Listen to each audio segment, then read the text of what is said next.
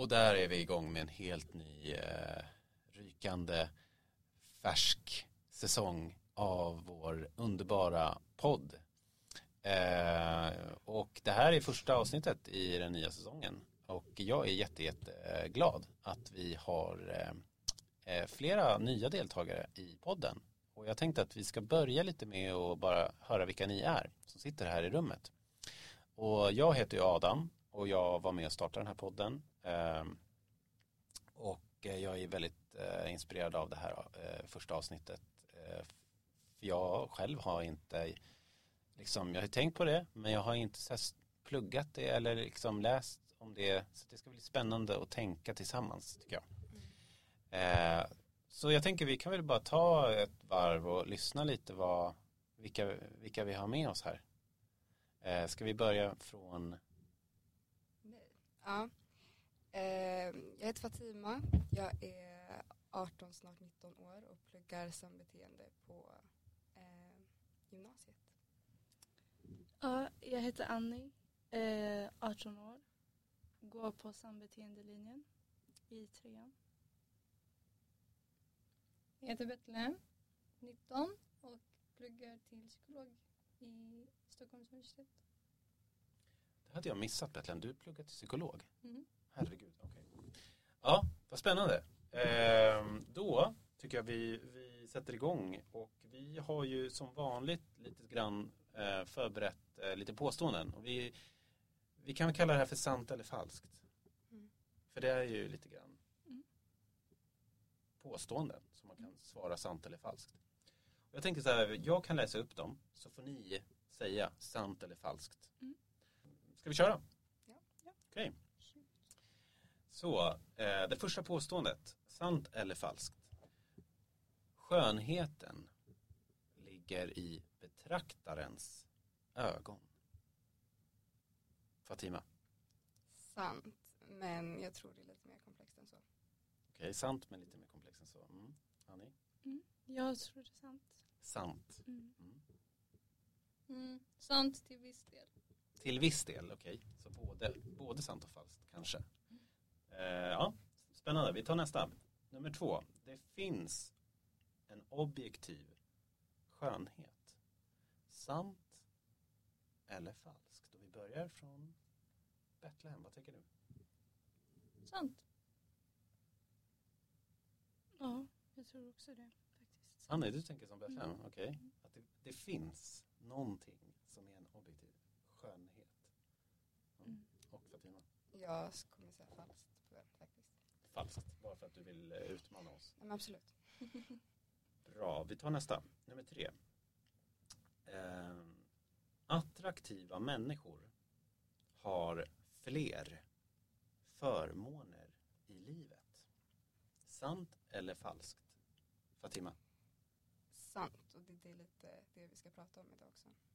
Mm. Jag håller med. Det, jag tror det finns. Är det lite så här, sant tyvärr? Ja, exakt. Ja, okay. Jag fattar. Eh, Betlehem, stämmer du in i kören här eller har du något? Jag är lite kluven. Du är kluven? Mm. Så du är inte helt säker på att det är sant att attraktiva människor har fler förmåner? Mm. Mm. Spännande. Nummer fyra. Ehm, det finns nackdelar med att vara attraktiv. Jag tror någon pratade om det innan avsnittet att mm. någon modell hade sagt att det var kanske inte bara supernice. Det var Betlehem, någon TED-talk du hade lyssnat på. Mm. Ja, någon TED-talk, okej. Okay. Så sant eller falskt, ska vi ta från Betlehem? Det finns nackdelar med att vara attraktiv. Mm. Sant eller falskt? Sant. Mm, jag tror det är sant. Eh, för att man känner att man måste kanske hålla upp den här rollen hela tiden och vara liksom perfekt hela tiden. Typ som en press. Exakt. Inre, inre mm. stress mm. eller pressar. Jag mm. måste vara vacker, jag måste vara så för de, det förväntas av mig. Typ. Mm. Ja. Eh, jag håller också med. Jag tror att, eh, alltså vi alla har ju förväntningar på oss men eh, jag tror att det blir specifika förväntningar på någon som kanske eh, är liksom så här conventionally attractive, alltså någon som ja, passar in idealet. Det kommer med liksom väldigt strikta liksom restriktiva förväntningar av hur man ska vara. Är ni beredda? Mm. För den sista. Okej. Då kommer den här. Nummer fem. Eh, det finns pretty privilege i naturen. Sant eller falskt? Och nu börjar vi. Jag tror det är falskt faktiskt. Wow. Mm. Fatima? Ehm, jag är inte biolog eller så, men jag är ganska säker på att det finns liksom, eh, jag vet inte om man säger alltså pretty privilege på det sättet, men alltså att vissa, någon så här, eh, vad heter det här, eh, vad heter det ordet? Eh, men ja, alltså att det finns liksom i naturen att vissa arter liksom har vissa, an, alltså vissa drag liksom som eh, eh, blir dominanta eller som liksom förökas mer eller ja jag vet inte, jag har för mig att det är något sånt så jag skulle nog säga ja. Okej, så här har vi alltså eh, två olika. Annie, du tyckte nej, att det inte finns pretty privilege i naturen. Och Fatima lutar mer, låter det som, Mm. mot jo, det Mm. finns det faktiskt visst. Ja, spännande. Och då har vi Betlehem som finns. avgör den här striden. Det finns. Okej, så du är inne på, som Fatima, att det finns någonting som är Mhm. typ som pretty privilege. Landdjur och människor till djur. Får jag säga något? Ja, såklart. Nej. Alltså, jag tror att eh, människor kanske, alltså till exempel djur, vi alltså, delar upp vilka som är fina och vilka som inte är fina. Men jag tror inte att djur själva gör det mot sin egna art. Ja, det, Just det, så att djur har inte samma sätt att tänka eh, ideal eller diskriminera Exakt. som någonting mm. finare på det sättet. Mm. Ja, jag fattar. Mm. Hörni, det var det. Mm. Är ni beredda att eh, dyka in i det här ämnet? För det är ni som har valt det, så nu får ni skylla er själva. jag. Okej, ehm, jag tänker så här att vi börjar lite grann med att vi kan bara så här öppna upp ämnet. Typ så här, vad betyder det för er? Har ni någon erfarenhet ni vill dela med er av? Någon, något som ni har tänkt på, sett, upplevt kring det här begreppet? Det kan vara bra saker, det kan vara dåliga saker, det kan vara saker som ni är intresserade av, något som ni tycker är problematiskt och dåligt och så vidare. Alltså verkligen, ordet är fritt. Uh, är det någon som känner att ni vill börja? Liksom, pretty privilege. Vad, vad är det skulle ni säga? För de som kanske inte riktigt är bekanta med det här ordet. För er. Liksom.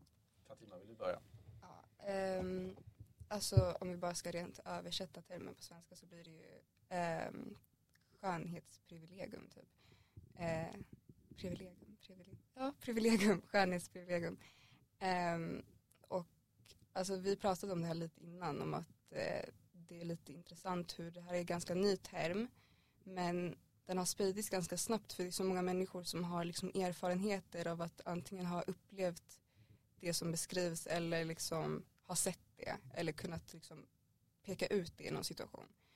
Um, och jag tycker det är ganska intressant, alltså för att som sagt det är en ny term men så snabbt som det har spridits bevisar verkligen att det är, alltså det är många människor som relaterar eller tycker att det är liksom något värt att säga också hur det här begreppet kan sättas in i så många olika situationer, i så många olika kontext och liksom ha helt ny innebörd eller alltså kunna, det spelar in i så många saker.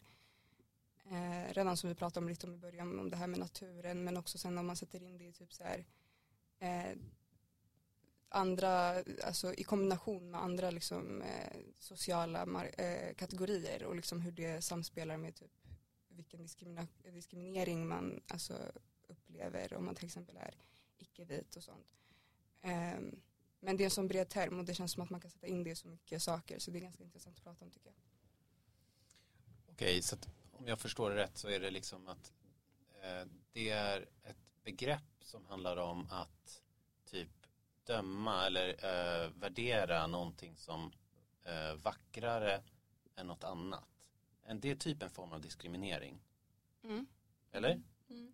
Nej men alltså att man med om man liksom om någonting anses vara vackert eller liksom ehm, om vi pratar om människor, alltså människor som passar in i liksom det här skönhetsidealet, ehm, att de människorna liksom får fördelar ehm, jämfört med andra liksom, personer som liknar dem eller alltså, som inte liksom, eh, hör in i det här eh, eller passar in i det här idealet. Så det är lite det du beskriver, alltså fördelar. Så det vi har att jobba med här då, det är lite grann ideal, eh, privilegier som kommer med att man ser ut på ett speciellt sätt. Eller typ fixar sig så att man ser ut på ett speciellt sätt kan man ju också diskutera. Ja. Mm. Vill du lägga till något Fatima eller ska vi lyssna på de andra? Jag tycker vi går vidare. Okej, eh, vill någon av er fortsätta? Vad, vad tänker ni när ni hör det här ordet? Liksom? Vad betyder det och vad känner ni? Vad tycker ni? Vad tänker ni? Alltså jag tänker att eh, precis som det Fatima sa att det finns ju förmåner med att vara attraktiv och man kan få till exempel alltså fler jobbmöjligheter och typ så här, alltså om man ser bättre ut, alltså så här, om man kollar på en alltså samhällsbild av det, alltså så här, alltså jag har själv märkt det jättemycket, alltså så att folk kanske behandlar en bättre om man typ, alltså om man har smink, alltså så här, man blir typ mer respekterad om man kan säga så. Och eh, jag har pratat med andra alltså tjejkompisar också. De märker samma sak. Och, ja. Så typ som att man bryter en norm Mm. att inte ha smink säger vi. Mm. Att det inte räknas som lika normalt eller fint eller vackert eller liksom pretty i det här fallet. Mm. Och då, det, då blir man bemött Precis. som att man, eh, vad skulle du säga, man blir, eh, hur bemöts man då? Alltså om man, Om man typ skippar smink som ett exempel bara. alltså man typ, man kanske ser latare ut eller så här. Alltså om man inte täcker det som ja, samhället inte typ gillar. Alltså vi säger typ så här akne, Mm. mörka, ring, alltså så här, mörka ringar och typ så här. Ja, alltså man måste ju typ så här ha en mask hela tiden som alltså säger att man ska vara perfekt och ja. Och det här kommer vi dyka in i sen, så här, vad är Ja. egentligen att vara vacker? Mm. Eh, för det finns ju många som är kritiska till det här, liksom att man måste följa de här normerna och ha en mask överhuvudtaget. Varför ska vi gå runt med en mask för? Är det inte bättre att vara fri och autentisk och, och levande och så vidare? Men det kan ta sitt pris. Mm. Och frågan är om man är, alltså hur man ska tänka kring det här priset liksom. Mm. För det är ju någon slags normbrytande då, att gå emot det Mm. här pretty privilege som Mm. ju är de här kategorierna som du pratar om Fatima, av ideal. Mm. Vad som anses vara korrekt liksom. Ja, spännande. Vill du lägga till någonting Annie eller ska vi ta och lyssna på Betlehem? Mm, vi kan lyssna på Betlehem. Vi lyssnar på Betlehem, psykologen.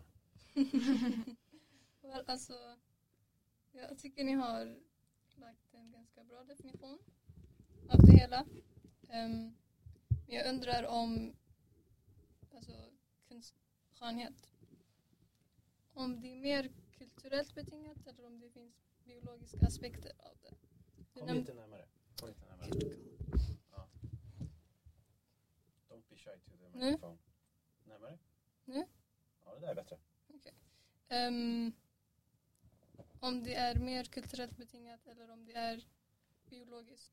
Så jag undrar om det vi tycker är vackert är mer kulturellt betingat eller om det finns biologiska aspekter av det. Mm.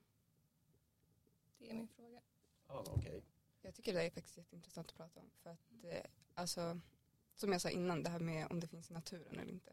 Det var ju liksom det jag menar. Eh, Det här Mm. med biologiska, som sagt jag är inte biolog, men eh, om det finns liksom någon så här, eh, jag vet inte, primitiv, men så här lite naturlig liksom, eh, strävan efter att liksom både presentera sig själv som vacker men också att, liksom, att, att man attraheras till vad som är vackert. Och, men också så vad som är kulturellt betingat för vi vet ju att det liksom har trender med vad som är skönhetsideal, särskilt med kvinnor. Mm. Eh, Men även med män. Men också liksom att de här trenderna har gått så vi vet ju lite att det, det är lite kulturellt betingat. Eh, men om man kan utesluta biologiska faktorer eller inte, det vet jag inte om man kan. Men jag tycker det är jätteintressant att ställa den frågan. Mm. Och jag måste ju flika in för att det var jag som kom på det här sista påståendet med liksom om det finns i naturen. Mm. Jag har inte bestämt mig men jag har eh, hört eh, att ehm, det finns ju det här ecofeminism som ju är liksom ett sätt att på något sätt förena feminism och eh, ja, ekologi. Liksom, att försöka förstå eh, till exempel klimatproblemen och så genom den linsen. Liksom, att tänka att det är patriarkala strukturer som påverkar hur vi tänker kring naturen, vad det är, att vi ska dominera. Eller... Så om man liksom går in i det, more than human, brukar man säga då, att det är liksom att vi måste tänka vidare. Vi kan inte bara vara fast i människocentrerade synen på till exempel i det här fallet vad som är vackert. Utan om vi tänker till exempel på äpplen så finns det eh, forskning eller en bok, ehm, jag önskar att jag hade den med mig, men där pratar man om lite grann hur äpplen har eh, liksom deras evolution, deras utveckling. Och att de på något sätt har eh, haft en väldig intelligens i att påverka människor. Så att människor ska välja de som är vackrast och liksom finast och bäst för att de eh, så att säga vinner på det. För att de kan spridas och, mm. och växa och, och, och, kanske ta över andra former eh, i naturen. Så, och då blir det ju en fråga av överlevnad, det blir en fråga av makt. Jag bara tycker det är ett intressant perspektiv liksom. För vi människor har ju liksom tyvärr ofta haft väldigt snäva eh, liksom, kategorier av vad som är vackert och vad som är okej okay och inte sådär. Och det är därför det är så bra med filosofi. För då får man ju möjlighet att tänka nytt, alltså att våga tänka utanför ramarna och komma vidare kanske. Eh, men jag tänker till exempel om man bara ska se det utifrån kultur, natur, eh, vi har ju också det här begreppet pretty privilege. Att pretty privilege det betyder typ så här att, att vara fin, eller? Eller är det att vara vacker? Ja, du, du är fin. Det kan vara att du ja. har tagit kosmetiska behandlingar och blivit fin. Men skillnaden är i hur folk behandlar dig för, för att du är fin. Just det. Mm. Det är där privilegierna kommer. Förmåner. Ja, termen beskriver liksom de, för, eller de förmånerna man alltså får av att vara eh, vacker. Mm. Okej, okay, men det känns som att vi har så otroligt många ingångar. Men vi ska testa att bara så här, eh, vi tar några så här huvudproblem som vi anser finns kopplat till Pretty Privilege och så ser vi om vi kan ruska om dem lite grann. Vilka tycker ni? Är de liksom, så här. Ni har valt det här ämnet. Vad är det som är så himla dumt med det? Vad är det som gör att det är viktigt att prata om? Vad är det som gör att vi behöver filosofera om det här? Jag tycker det är intressant hur vi ser det här är en rekryterings... Vet jag, alltså jag, Just det, intervju så man har några som söker en tjänst. Precis, och de som kommer är fina. Men om jag som betraktare vet om att jag bidrar till det här eller inte. Ja, om det är undermedvetet eller Precis. Alltså om, man inte om, det, om det sker på så alltså, låga nivåer att du inte är medveten om att du tycker den här personen är fin och du behandlar den på ett visst sätt. Mm. Ja, man förstår inte själv att ja, man diskriminerar så... någon. Så, Åh, du är vacker, men jag det är inget jag logiskt mm. tänker att då har du en fördel men du får en fördel för mm. att jag på något Man bara uppfattar personen ah. mer karismatisk, mer kompetent. Just det. Men det här fick mig att tänka på en, det är en jättekänd typ studie förut. Äh, jag vet inte vad den heter men man testade med barn i alla fall och ger dem två olika dockor. Eh, den här har ni säkert hört om. Det var en eh, mörkhyad docka och en vit docka och de flesta barnen började, när man frågade de här barnen liksom vem, eh, vilken är finast, vilken är snällast, vilken är A, B och C och D så svarade nästan alla liksom att alla de här negativa sakerna var den mörkhyade dockan och de positiva sakerna var den vita dockan. Eh, det här kan man ju tänka liksom handlar om rasism men jag tror ändå det spelar in i det för att i sån ung, så ung ålder att vi redan dömer liksom människor och det här var inte bara liksom vita barn utan det var, det var ändå flera alltså, etniska bakgrunder på de här barnen. Men de alla svarade så att i en sån ung ålder, det är inte som att de förklarar det liksom varför. Men att de har de där associationerna så tidigt. Eh, det känns som att det är säkert likadant med det här med skönhet. Men vart man lär sig det och så här, när man lär sig det, det är så svårt att säga.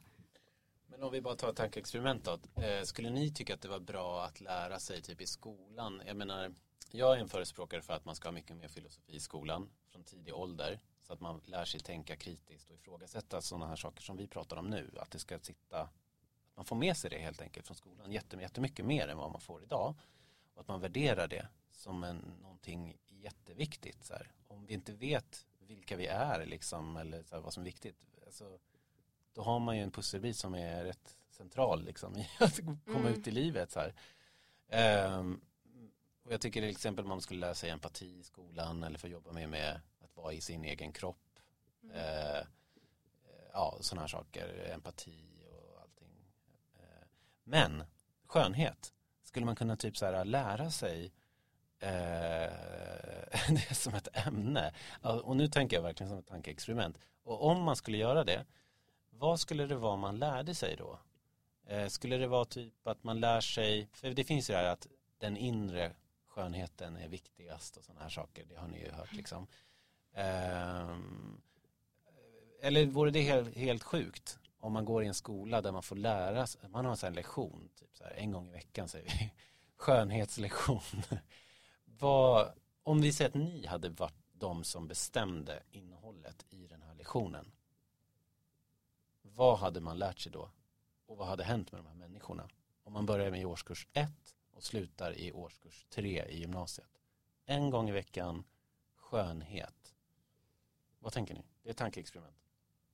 Alltså, jag tror inte man ska lära sig det så tidigt för det kanske blir svårt att förstå. Alltså jag tänker mer när man blir äldre kanske. För jag tänker liksom kan man lära sig typ så här, vad är en vacker insida? Vad är en vacker handling? Eller är, förstår ni? så, För vi, vi lever i ett sånt samhälle som är så himla ytligt och liksom besatta av ytan. Mm. Eh, och att det här, man kan inte se en, en persons själ. Eller man kan inte se det här som är kanske det allra viktigaste. Mm. Och då tror vi på något konstigt sätt att vi inte ska värdera det eller mäta det eller liksom prata om det eller lära oss det. Eh, men man kanske inte ska kalla det skönhet. Det kanske blir konstigt att kalla det så här, nu ska vi gå på skönhetslektionen. Men jag kom på det som en eh, idé liksom. Vad tänker ni? Jag tycker, det, nej, jag tycker tvärtom att man borde ha det där ordet med skönhet. För att det blir liksom att vi, hela grejen blir att liksom skapa andra associationer med det ordet. Liksom om vi både anknyter skönhet till liksom, absolut vi säger ju det i vardagligt tal, liksom att det är insidan som är, alltså ha en vack, ett vackert hjärta, ett vacker, alltså vara så.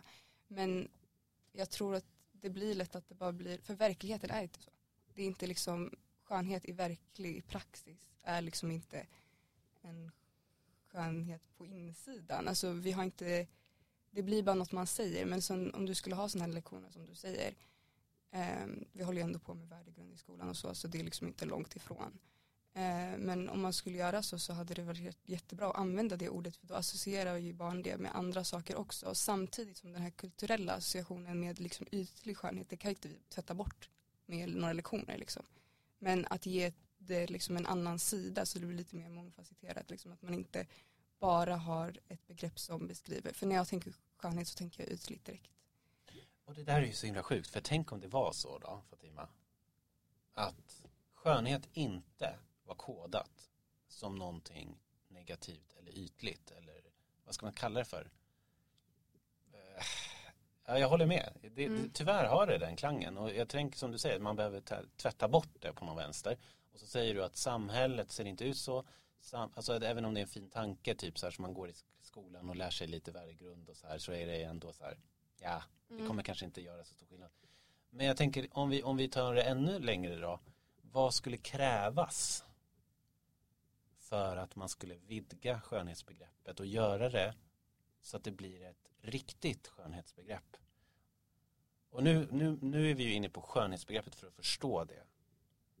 Så att vi kanske kan rucka på det här pretty privilege som ni upplever är dåligt, låter det som. Mm. Att så här, varför ska man diskrimineras för att man ser ut på ett speciellt sätt eller inte? Det är ju helt sjukt. Mm. Varför är det så? Ja, vi kanske måste backa och tänka efter lite vad, vad, varför det är så.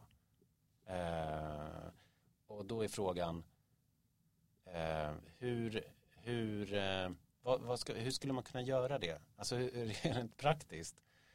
Eh, hur kan man vidga skönhetsbegreppet? Så att man bryter den här normen då, som är så himla eh, stark. Liksom. Tuff fråga. Det är, vad heter det, 100 poängsfrågan? Nej. Ja, Jag vet inte, men det Det blir lite svårt tror jag. alltså svårt att helt enkelt omforma en väldigt så här stark Mm, precis. Alltså, Varför? Varför är det så svårt då? för att det är så pass ingraverat i samhället. Så alltså det här är ju något som har pågått ganska länge, alltså jättelänge. Eh, men jag tror att om man kollar på grunden av det så kan vi kanske, som du sa, alltså göra det till någonting annat. Alltså så här, Eller, alltså jag tänker så här, måste man ha kvar, alltså att ska vi sitta och jobba på begreppet eller kanske bara försöka få begreppet och liksom, alltså skönhet och inte vara lika viktigt kanske. ja precis. För sen jag tänkte just på typ så här, ehm, ja, så män och kvinnor liksom, vi tänker på båda aspekt. Ehm, jag vet inte, det kanske blir liksom att upprätthålla de här normerna genom att säga det här. Men ja, eh, man bryr sig liksom mer om hur tjejer ser ut än eh, vad liksom man säger eller gör eller vad man åstadkommer, hur man presterar. Medan män eh, liksom värderas på massa andra saker också. Och jag känner att det där gappet liksom borde man ändå, alltså det är inte fel att män värderas på deras prestation liksom. Det tycker jag också är bra. Men jag tycker att man kanske borde göra det med kvinnor också. Och Mm, just det- det. att det borde vara lika helt enkelt. Att det borde vara Ja, lika. Ja. Så att skönhet liksom inte blir lika viktigt. Och, alltså jag kommer ihåg bara för någon dag sedan jag satt och såg på TikTok typ så här någon liten eh, några så unga flickor som jag kom förbi deras TikTok, jag vet inte hur min For You kom upp där men ja. Det var någon så här sjuåring och hon hade sen någon sminktutorial video och jag fick ju bara spel för att jag, jag vet inte, det är inget fel med att leka med smink såklart, det är ju liksom en artform på ett sätt. Men sen när jag kollade i kommentarerna så hade liksom andra äldre tjejer skrivit, förmodligen som mig också fått upp henne på en, deras For You, skrivit typ, men du behöver inte det där, det är kul att du leker med det men gå in, du behöver inte det för att gå till skolan för det var någon sån här morning get ready with me video. Och hon hade så här svarat på videon så här, nej men jag ser ut som ett troll utan det. Jag, fick, alltså jag ville gråta. I sju års ålder att hon sitter och tänker så här, jag ser ut som ett troll utan smink eller jag ser förfärlig ut utan smink. Men alltså hur, hur ofta ser man små pojkar sitta och leka med smink och gå till skolan med smink i sju års ålder för att de tycker att de inte ser bra ut utan smink. Alltså det finns inte så det går liksom inte att, eller det finns säkert men ja, jag vet inte, den där videon kommer stå upp i mitt huvud. Jag tänkte verkligen att det är någonting vi måste jobba på när det kommer till tjejer för vi känner ändå att vi har kommit långt med det. Men ibland känner jag att vi bara pratar om saker men sen ser man verkligheten som typ den här videon som kommer på min For You och så, så blir man ju helt krossad så här, tänk att det är så. Jag fick ju inte ens röra smink i den åldern. Mm. eh, jag var inte heller väldigt intresserad av smink och det kanske är en individuell grej absolut. Men alltså att se sjuåringar, åttaåringar, också sociala medier är ju nu överallt. Jag tycker det är så sjukt att när jag var yngre så hade jag liksom inte mobil. Jag hade inte mobil när jag var sju år. Så jag hade inte liksom Kylie Jenner att jämföra mig själv med. Eh, men att tänka liksom att, och det är klart, alltså ska man kunna ge sina mobil, alltså barnmobiler eller inte, det, alltså det är en helt annan konversation. Men vi måste ändå liksom erkänna att det är något som händer med vårt samhälle när alltså någonting sånt kommer upp. Liksom. Jag tänker att det är sjukt. Alltså om man ska tänka så här att eh, eh, när det dras till den spetsen att eh, en sjuåring ska ha en sminktutorial och tycker att hon inte är fin utan det eller att det, det, är liksom, det blir så absurt liksom. Um, men då är det som att det finns starka värderingar i samhället, ideal som på något sätt pumpas tidigt och kanske ännu mer numera då med sociala medier. Och där har vi liksom samhällsklimatet och reproduktionen av alla de här fel, alltså märkliga, vad det nu är, ja, normerna eller vad vi ska kalla det för. Ehm, men så ni, ni är skeptiska till att man kan bryta de här normerna? Att det, för att det är så starkt eller för att det är så svårt eller liksom, för jag menar du reagerar ju på det här och du delar med dig i podden Fatima till Mm. exempel. Jag menar, jag har kompisar som inte sminkar sig, alltså kvinnor till exempel och det är ju liksom ja, Det kan ju ha med andra aspekter att göra också. ja, Alltså precis som det här som Fatima sa. Att, alltså, alltså till exempel om man är en vit kvinna så alltså, man kommer ju ha mer förmåner än till exempel en från en annan ras. Liksom. Så, Förlåt. Det var bara ras som fick mig. Nej men jag fattar vad du menar. Men ja, jag såg en liknande grej på min TikTok. Eh, där det var en tjej som var 12 år och hon använde massa anti-aging produkter. Och massa retinoler, om ni vet vad det är. Alltså det är typ en farlig, eller det är inte farligt men det är så dåligt att använda det när man är ung för att det förstör huden och hon använder det varje dag. Och eh, alltså det är så här, man behöver inte det när man är så ung. Och, hon, alltså, och folk typ sa det till henne på hennes kommentarer. Och eh, de bara, du behöver verkligen inte det. Och hon blev typ så här defensiv. Ja. Okej, jag vill bara kommentera, förlåt. Får jag Nej, säga nej, först? absolut. Ja. Jag tänker att det handlar om, ehm, på något sätt, det är det är också helt Mm. absurt ju. Men ehm, alltså att vara självtillräcklig, Mm. tänker jag bara. Alltså att inte bara duga för någon, eh, utan att vara självtillräcklig som man är. Mm. Det låter så här fint och så, bara du är bra som du är och sådär. Och, och vi människor vill ju passa in, vi är väldigt så här flocktänkande och i vissa åldrar kanske man är ännu mer och det verkar som att de här normerna kryper ner i åldrarna liksom med det här sjuåringen och tolvåringen och så vidare. Eh, men jag tänker liksom på att det handlar ju om någon slags självtillräcklighet. Att inte behöva modifiera någonting för någonting utanför en själv. Och det är ju någon form av eh, mod eller kraft eller frihet eller självbild eller självinsikt eller visdom. Någonting. Jag vet inte exakt vad det är. Eh, och det tycker jag är ju mycket bättre definition av eh, apropå det vi pratade om tidigare med att ha en, typ- någon slags vacker insida. Alltså om jag skulle typ träffa en person som har en rätt så, så här, vad ska man kalla det för, utvecklad självtillräcklighet. Jag vet inte om det är ett bra ord, men ni Mm, förstår vad jag menar. Eh, för, men det där är ju också en norm. Alltså så här att man ska gå sin väg, man ska vara sig själv, man ska inte bry sig om vad folk tycker och tänker om. Men det kan man också dra till sin spets. Att det kan också gå överstyr tycker jag. Att det blir nästan too much. Så här, ja ah, du gillar inte, ja men liksom, jag bryr mig inte. alltså att man, man kan, förstår ni? Eh, ja, men Betlehem, vad, vad, vad tänker du om det här? Alltså, vi pendlar lite grann mellan det här sjuka idealen med liksom eh, eh, att en sjuåring och tolvåring alltså på TikTok till exempel att, vi, att det, det är så det, man blir ledsen liksom Mm. eh, I alla fall. Eh, vad, vad känner du Betlehem när du hör allt det här? Liksom, eh, självtillräcklighet var ju något som jag bara fick en känsla av att det, det, det, är, sam, det, är lika för båda de här två tjejerna. Mm. Att de förmo- kanske inte, jag känner det. Eh, De är så himla små, de är ju barn liksom.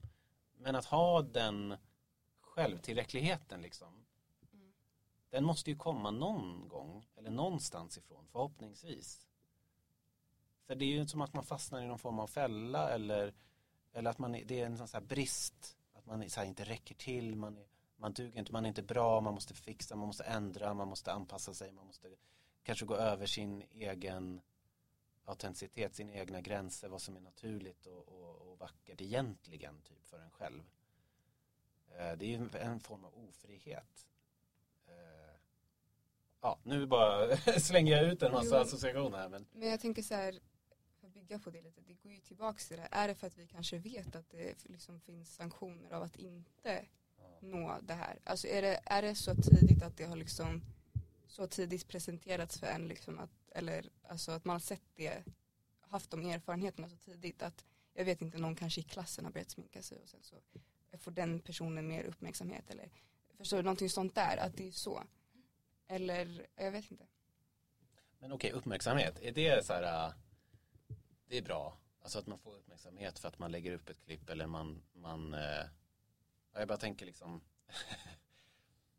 mm, Men uppmärksamhet är ju bekräftelse särskilt i så ung just ålder. det, det är det. Det är det som är Så- drivfaktorn. Liksom. Men det går ju igen också tillbaka, förlåt, det går ju igen också tillbaka till, Mm. Till, till det du sa om det här med att känna sig tillräcklig för varför Mm. behöver man den bekräftelsen liksom? Eller behöver man den till sån grad? alltså alla människor behöver bekräftelse men Mm. det finns ju olika former av bekräftelse. Och till vilket pris? Om man kör över sig själv så är det kanske inte jättenice. Men det kanske man inte själv ser. Mm. För man är så desperat och, och vad ska du säga Annie? Eh, Det passar, okej. Mm. Men, eh, jag vet inte om sa? Att, att man kör över sig själv. Ja, eller man liksom är, man vill ha det. Fatima sa det här med bekräftelse, att man bara så här eh, jag måste göra det här annorlunda med mig själv för att jag ska bli bekräftad eller omtyckt eller vad det nu är liksom. Jag ser det mer som alltså, ett lager på, att det är typ som en superkraft man kan ha. Superkraft man kan ha om man är fin. Alltså om man, om personen kanske inte känner att den kör över sig själv för att den ser möjligheterna den kan få genom att vara fin. Typ i Korea så är det jättemånga som gör plastikkirurgi för att kunna få ett jobb. För att vara fina, då får de mer jobb.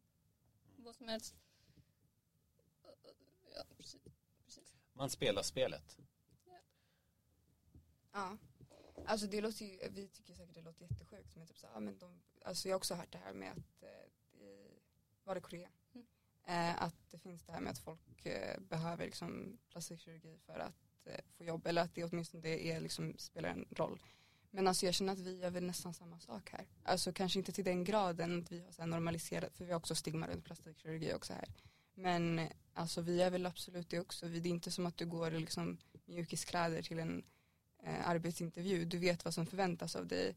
Du vet vad som räknas som professionellt. Också det här med professionellt. Det är också en, vad är professionellt? Vad är eh, liksom vad, är, vad ser lat ut? Vad ser, alltså som du sa också Annie, det här med smink. Ehm, alltså att om man inte har smink så ser man lite som, som att du bryr dig inte. Eller du, eh, så ja, det är inte så långt ifrån oss även fast vi säkert tänker det. Mm. Jag fick en tanke. Och det, här, det där jag sa om innan att eh, det här med typ, alltså att åldras. Jag tycker typ att det har blivit en, alltså det har gått för långt. Jag känner typ att så här, folk ser det som en jättedålig grej att ha rynkorna. Det, alltså är något, det, är jätte, alltså det är ju naturligt. Och jag tycker det är sjukt att det har blivit så här, ah, men du måste använda solkräm varje dag. Alltså så här, SPF 50, alltså så här varje dag för att liksom, alltså, ja, för att inte få rynkor. Jag tycker det är lite så här, Jag är tyst för jag gör det. men, ja, eh, men jag, nej, men jag fattar vad du menar. ja. Ehm, ja. Men alltså, det är ju också det är så klurigt så här, är man vacker för sig själv eller är alltså förstår ni? Alltså, Mm. Gör man det egentligen för sin skull eller för att på något sätt bli omtyckt eller sedd? Alltså, det, det kan ju smälta ihop också. Det är Man lite- får ju förmåner för sig själv. ja. Så Även om man gör det för andra människors liksom, Mm. bekräftelse eller för man, andra Precis. människor ska, så gör man ju det egentligen för sig själv. mm. Okej.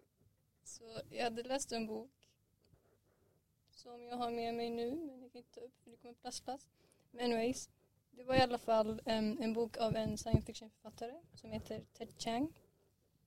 Och den basically snackar om det vi snackar om. Pri- Pretty privilege, eller mer snarare lokism som han förklarar det som.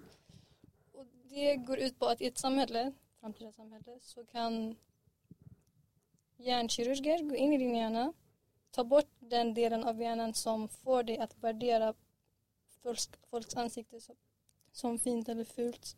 Då blir du helt agnostisk, alltså du bryr dig inte om hur fin en person är och då kommer du bara värdera dem utifrån deras kompetens, personlighet, det goda, alltså insidan då. Så det var det samhället som han beskrev i den här boken, eller novellen som heter ehm, Liking What You See, a documentary heter det. Jag rekommenderar starkt. Vi kan lägga in det i vår, eh, i, som Länk, en länk precis, så man kan precis. kolla upp det här. Ja. Men i alla fall så själva novellen gick ut på att man intervjuade olika personer och hur de såg på saker.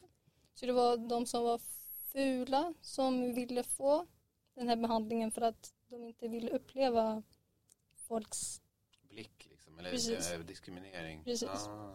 Så var det några som växte upp med det som barn, tog bort det, började se världen på ett helt annat sätt och så här, att de var faktiskt fina och de fick fördelar etc. etc. Men själva frågan i grejen är typ hur skulle vårt samhälle se ut om vi inte hade den här äh, diskrimineringen i hur en person är fin eller ful. Och då skulle det vara ett 100% meritokrati. Vad heter det? Vad sa du? Hund- Meritokrati. Alltså, Meritokrati. mer, heter det så? Och det betyder? Ja, Ja, det får ja, du precis. Det betyder att du får, alltså din, det är din kompetens som är kärnan i dig. Alltså är det typ mer hur så här, prestation? Typ så här, Ja, vad du alltså- har för utbildning eller hur duktig du är på någon vänster? I Ja. det du gör, professionell Precis, eller? att du är Ah. fin eller ful. För, för, för i Ah. den här novellen, eller samtidigt i vårt samhälle också, om jag tycker att du är fin, då kommer jag uppskatta, uppfatta dig som above average, bara för att du är fin. Mm. Men tar bort man den här så är det bara objektivt din kompetens. Typ så här, vem är du? Vad gör du? Sådana eh, din vad personlighet, du? vad du gör, moral etc. Ah. Jo men jag tyckte det var så intressant för det är så här, man måste ändå ta upp det här med kontrast. Om vi tar ut, alltså tar bort allt det här vi har pratat om, liksom, privilegium och så, alltså hur det påverkar individen och så. Bara liksom hur vi ser världen. Ehm, om vi inte har något som vi tycker är fult eller mindre fint då har vi egentligen ingenting som vi tycker är jättevackert heller. Vi var tar ju en bort viktig del som de tog upp här också. Exakt, vi tar ju bort liksom kontrasten och det blir på något sätt synd. Sen finns det ju såklart folk som behöver, alltså, och vi alla typ behöver liksom ta baksidan av det också. Men på ett eller annat sätt. Men är det värt liksom att, att leva i en värld där vi inte kan se liksom vackra saker eller inte kan uppskatta saker? Eh, Ja, för då är det alltså inte att man dömer människor utan överhuvudtaget så här att man sitter och ser en solnedgång och bara herregud vad vackert. exakt. Man Nej, blir berörd. Nej, det, Ingenting. det är bara ansikten det här behandlingen. den Alltså här det är bara mot Det är bara ansikten. människor, men andra saker är helt vanligt. Så vi kan ha en känsla av att eh, vi blir berörda av någonting i naturen eller en vacker någonting, liksom, objekt. Eller, ja. Det, det, är bara, det går bara ut över människor. Så man skulle kunna säga att den är relationell. Precis. Det är alltså en del i hjärnan i den här boken eller novellen som Mm. gör att vi kan välja om vi vill förlora den på gott och ont. Liksom. Ja, alltså, du får en behandling. Man får en de, behandling, de, de ja. opererar din hjärna. Enligt boken. Mm. Men ja, jag, jag tyckte i alla fall det var väldigt intressant hur den beskrev precis då kosmetikindustrin och hur de, för i den här boken så är det kosmetikindustrin och reklamindustrin som försöker få folk att inte ta behandlingen för de Exakt. använder sig av fina människor i sin marknadsföring och de här fina människorna används för att övertala konsumenten till att Som ska tro att de är fula så att de ska bli fina och då köpa en massa grejer så det är kosmetikdelen jättefina. Precis. Ja. Mm. och sen reklamdelen i att bara det kan vara en produkt jag försöker sälja. Och en jättefin modell och då kommer jag vilja kolla mer på reklamen mer och sen köpa. Alltså, det, är, då är det de här motkrafterna som vill att folk inte ska ta den här behandlingen. Så det finns, det finns en en superkraft marknadsaspekt. i Ja. att vara fin. Det finns liksom en marknadsaspekt av att man vill typ så här äh, inte att folk ska tycka att de är bra. Alltså apropå självtillräcklighet eller precis. värdera andra aspekter av en individ liksom att så här Nej men fortsätt tycka att du är lite fulare, ful för du kan, Kan bli bättre. kan du ha det här så att det blir bra. Alltså kapitalismen liksom Mm. egentligen Mm. kritik mot va? Uh, gud vad spännande, jag vill Mm. verkligen läsa den här. Va, va, var det bara på engelska eller? Nej, det är en novellsamling som heter Oj. Det är Ted Chang och den heter Ted Chang, den heter Stories of your life and other stories. Och det här är en novell i den här alltså, novellsamlingen. Och den novellen heter Liking what you see, a documentary. Och då, om man gjorde så här, jag bara tänker vidare, vi leker som ett tankeexperiment att vi kör det. Vi, vi alla tar bort den delen i oss, vi som sitter här, Mm. kanske ni som lyssnar.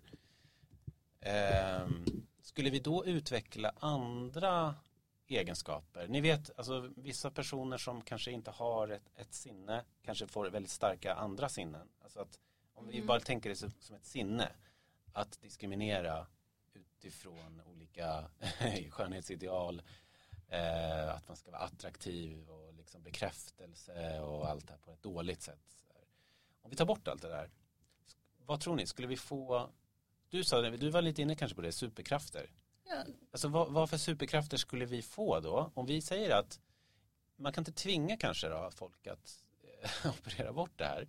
Det är ju en väldigt extrem grej att vi ska operera bort det. För vi har ju pratat om att ja, vi kan ändra hur vi tänker, vi kan ändra hur vi lever, vi kan ändra typ uppfostran eller skolan eller liksom sådana här kulturella grejer. Det här blir ju mer så här shit, jag ska operera bort en del av min hjärna. Eh, det är en väldigt extrem handling. Mm. Vad skulle vi få för andra, dels vad skulle det få för effekt, tror ni? På vad då? På hur vi upplever världen, alltså vi, om vi opererar bort det här, vi testar det liksom. Hur skulle vi uppleva världen? Skulle det vara liksom något bättre eller sämre? Skulle vi sakna någonting? Skulle vi ha svårt att typ sociala sammanhang eller Mhm. skulle vi bli så här uh, the, the crazy ones som inte liksom bryr sig?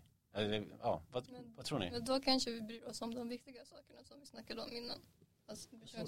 Det var exakt det jag tänkte ifrågasätta just. Det är så här, ehm, om vi tar bort det så tar vi bort det med den här alltså baktanken eller uppfattningen om att det finns viktigare saker än att vara vacker. Men det är så här, är det viktigare att vara smart än att vara vacker? Förstår du? Att de, att de ställs emot varandra? Ja, för att det är så här, ja men om vi tar bort att kunna se, du vet, bedöma någons utseende så, då kan vi börja fokusera på liksom personlighet och vi kan börja fokusera på de här sakerna och hur trevlig någon är eller hur smart någon är eller hur atletisk någon är eller hur, jag vet inte. Eh, men det är så här, är de där sakerna viktigare objektivt? Är det så, är skönhet bara en ytlig, ful grej och så alltså hemsk, förstår du? Alltså Just det, att Min- vi, min- måste min- vi operera bort det? Så Mm. att säga. Ja.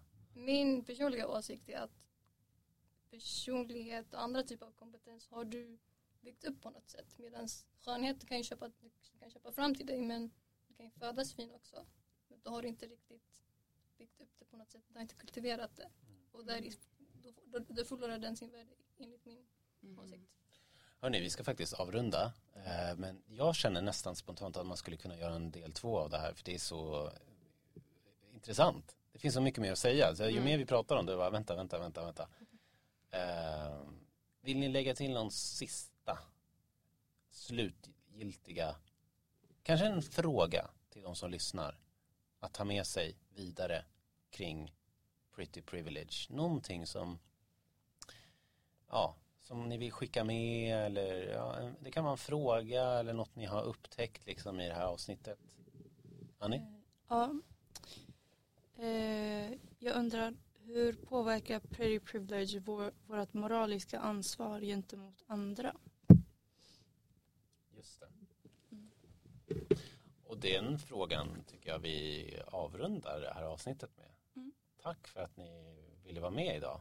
Och uh, hoppas att ni som lyssnat har fått lite nya funderingar. Och uh, uh, vi hörs snart igen. Hej då.